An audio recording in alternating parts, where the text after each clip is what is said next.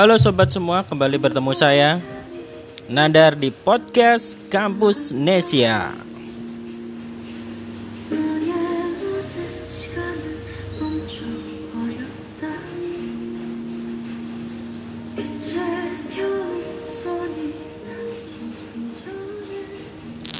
Ya, backsound yang lagi kalian dengerin ini judulnya Meet Again yang dinyanyikan oleh Sejong. Ya, Sejong ini alumni Produce 101 ya dan anggota dari girl band 101 juga karena dia dulu juara kedua.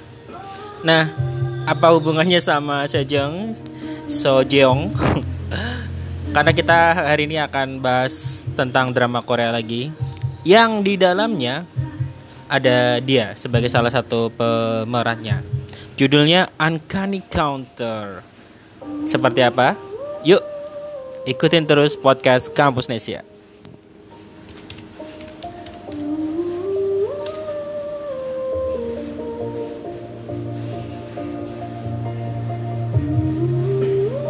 Tak terasa ya, sekarang udah tahun 2021 aja ya. Dan sepanjang tahun 2020 kemarin itu banyak banget drama Korea yang sangat menarik. Apalagi sepanjang tahun kita berada dalam suasana pandemi ya. Nah, jadi jangan lupa jaga kesehatan juga. Membuat orang banyak di rumah dan menonton drama Korea menjadi salah satu alternatif untuk mencari hiburan dan juga karena katanya imun itu bakal naik ketika hati bahagia maka nonton drama bisa naikkan imun kali ya. Oke, okay, eh, sebelum kita masuk ke review drama Korea Uncanny Counter yang baru selesai kemarin bulan Januari ya, uh, kita coba preview dulu di tahun 2020 itu banyak banget drama-drama yang sangat menarik untuk diikuti. Ya sebut saja Itaewon Class yang menghadirkan tema bisnis kuliner dibintangi oleh Park Seo Joon. Kemudian ada Lee Min Ho yang comeback dengan The, The King Eternal Monarch ya, yang teori time travelnya bikin bingung. Dan ada ada juga di bulan Oktober November kemarin ya, September Oktober kalau nggak salah ya, Stranger 2 Forest of Sacred. Nah, itu juga sangat menarik uh, kasus-kasusnya makin rumit aja dan tentu saja uh, sebuah drama yang membuat orang yang nggak suka jadi suka dan tiba-tiba semua orang jadi membahas tentang drama ini. Startup ya dibintangi sama Bae Susi kemudian ada uh, Kim Sun Ho Pak Han ya. Jadi kalian kemarin jadi tim Pak Han apa tim Namdosan nih? Nah bahas selain tema-tema di atas ini kemarin saya menemukan juga drama yang sudah mulai tayang sejak de eh Desember apa? Oh sebentar. 28 November ding. Dan baru selesai kemarin 24 Januari ya. Sebanyak 14 episode tayang di TV kabel OCN Korea dan secara global bisa disaksikan di Netflix. Judulnya The Uncanny Counter Uh, drama ini diangkat dari webtoon populer yang berjudul Amazing Rumor yang ditulis oleh Jang Yi. Uh, drama ini dibintangin oleh sederet aktor yang yang gak asing lagi ya. Misalkan kita mengenal uh, aktor yang udah agak berumur juga ya, Ibu Cho Cho Mai Ok yang yang di sini memerankan uh, sorry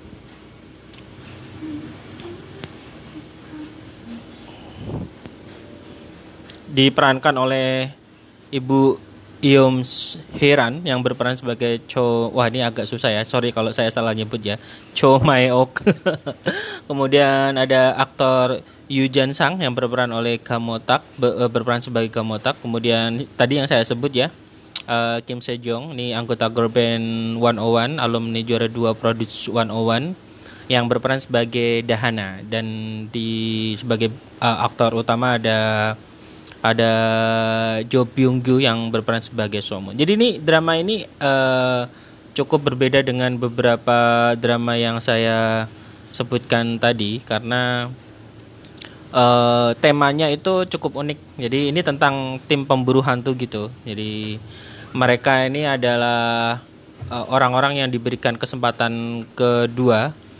Uh, intinya itu hampir udah mau meninggal gitu ya, tapi di kesempatan kedua oleh malaikat maut diceritakannya gitu dan mereka diberikan tugas untuk membantu tugas para Yung atau malaikat maut ini untuk membasmi roh jahat yang berkeliaran di dunia. Nah, roh jahat ini e, mereka itu akan merasuki manusia yang secara sifat karakter dasarnya itu memang sudah jahat gitu dan mereka akan melakukan kejahatan yang lebih misalkan yang paling parah itu adalah membunuh karena dengan membunuh mereka akan bisa memakan uh, arwah dari korbannya itu dan membuat mereka jadi lebih kuat. Ya, premisnya seperti itu. Tapi uh, walaupun premisnya tentang tim pemburu hantu, uh, plot cerita yang lain juga cukup cukup seru ya secara keseluruhan karena ini menghadirkan intrik politik, kemudian mafia, kemudian uh, pencemaran lingkungan, kemudian konspirasi tentang uh, kejahatan antara polisi dan pengusaha dan politisi. Wah, itu itu udah udah rusak banget sih ya kalau sampai ada persekongkolan antara penegak hukum kemudian uh, pengusaha dan mafia itu kan udah udah nggak bener itu kan. Dan satu lagi tema yang cukup menarik juga tentang budaya kekerasan dan bully di kalangan pelajar yang coba dihadirkan juga di drama ini. Uh, hal yang jadi catatan bagi saya yang membuat kemudian penasaran untuk uh, akhirnya nonton dari episode 1 sampai selesai dalam waktu kurang dari tujuh hari. Karena di tiap episodenya itu hmm, bikin penasaran aja gitu. Jadi secara secara cerita mungkin cukup ringan ya tapi uh, cukup serius juga. Walaupun bumbu-bumbu komedi di setiap episodenya itu juga juga juga lucu gitu ya. Tapi komedinya ini nggak nggak berlebihan lah ya. Uh, secara porsi itu cukup gitu. Dan uh, hal berikut juga yang perlu saya garis bawahi adalah tentang um, bagaimana koreo actionnya itu itu believable gitu ya walaupun memang beberapa bagian itu agak agak overpower karena mereka memang uh, memiliki kekuatan di atas manusia rata-rata. Tapi secara kita kan sebenarnya entah itu katakanlah gini lah, misalnya kita lagi nonton film kungfu pendekar sama berantemnya ala The Red yang yang apa namanya yang tanpa kekuatan khusus. Tapi kalau Koreanya bagus sama yang Koreanya asal-asal gitu kan bisa kelihatan ya gitu. Dan menurut saya di drama ini Korea fightingnya itu menarik hand to hand combatnya itu menarik gitu. Bagi bagi saya yang suka film action ini ini hal yang tidak tidak boleh dilewatkan gitu ya. Walaupun fantasi tapi actionnya itu oke okay lah gitu kemudian dari apa FSX atau efek visualnya juga menarik. Karena ceritanya kan mereka ini nanti punya kekuatan-kekuatan magic gitu kan dalam usahanya membasmi para roh jahat dan melindungi para manusia. Dan itu juga apik gitu. Jadi nggak nggak kemudian kasar atau atau apa separah sinetron Indonesia gitu ya. Tapi tapi halus lah. Bagus banget secara uh, secara produksinya gitu dan kemudian hal yang tidak bisa saya lupakan dan cukup mengambil perhatian adalah sisi sisi drama yang coba dihadirkan sisi kemanusiaannya jadi misalkan karakter utama si apa namanya si Somun ini jadi karena dia itu tidak sengaja menjadi counter sebutan untuk para tim pemburu hantu ini dan dia menjadi anggota yang paling muda. Uh, tujuan dia itu sangat menarik dibanding tujuan dari para uh, anggota counter yang lain. Dan uh, orang tuanya itu adalah korban korban konspirasi dari para penjahat tadi.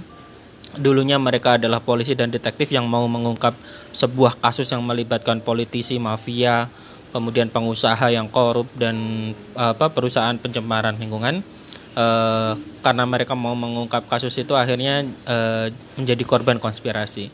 Dan diceritakan bahwa uh, karena roh mereka itu tertangkap ter, uh, ter, ter terperangkap di roh jahat yang memakannya maka hmm, apa namanya uh, ya ya bak bakal nggak bisa tenang atau masih gentayangan nggak bisa naik ke surga bahasa mereka kalau kalau si roh jahat ini tidak dibunuh dan si Moon ini sebagai anak itu dia berusaha sangat keras sekali agar bisa membebaskan orang tuanya itu dan bisa hidup tenang damai di surga gitu. Ini ini walaupun nggak tahu ya kita kan nggak pernah tahu secara uh, sorry misalnya secara religi religi itu apa yang apa yang apalagi ini sesuatu yang fiksi ya kita nggak pernah tahu apa yang mereka percayai tapi saya sebagai seorang anak yang punya keluarga dan orang tua yang sudah uh, wafat ini ini uh, cukup cukup bikin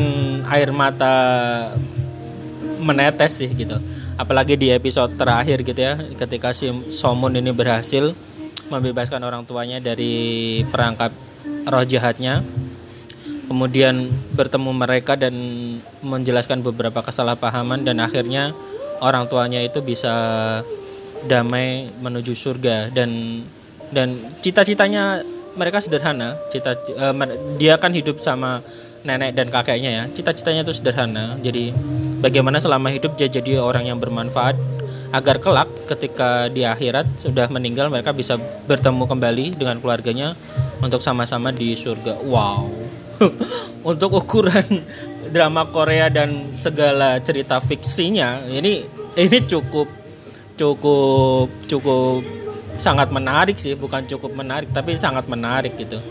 Uh, jadi berpikir membuat saya sebagai sebagai seorang anak dan seorang uh, hamba jadi berpikir gitu ya. Kira-kira saya bisa nggak ya gitu. Dan jadi memotivasi nih untuk berbuat kebaikan dan kalau di agama yang saya yakini kan sebagai anak uh, hal yang bisa kita lakukan itu uh, mendoakan gitu ya mendoakan orang tua kita yang sudah mendahului kita agar di akhirat uh, mereka diberikan kemudahan, diampuni dosanya, diberikan kelapangan dan kelak kita kita berdoa agar bisa kembali bersama di surga.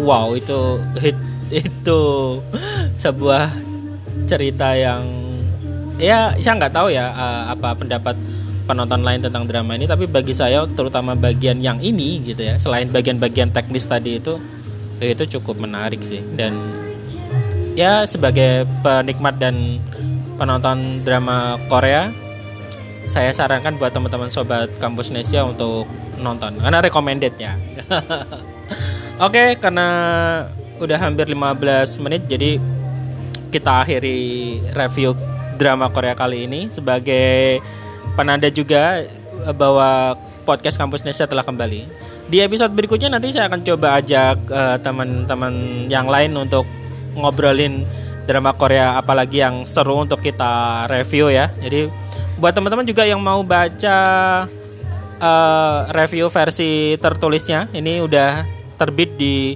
di uh, kampusnesia.co.id langsung aja search ya C C ya campusnesia.co.id. Uh, jangan lupa untuk follow Twitter kita at kampusnesia COID dan uh, jangan lupa uh, subscribe kita di Spotify dan yang terakhir sebelum kita tutup podcast kali ini disponsorin oleh lucu.com tempat bikin merchandise dan satu lagi ada sponsor baru nih baru masuk namanya seplakat.com s e s e p l a k a t.com ini tempat bikin plakat uh, secara online, full online. Jadi teman-teman silahkan coba ya. Banyak promo dan diskonnya. Oke, sampai jumpa di review drama Korea atau film-film menarik lainnya di podcast Kampus Nesia. Saya Nandar, sampai jumpa.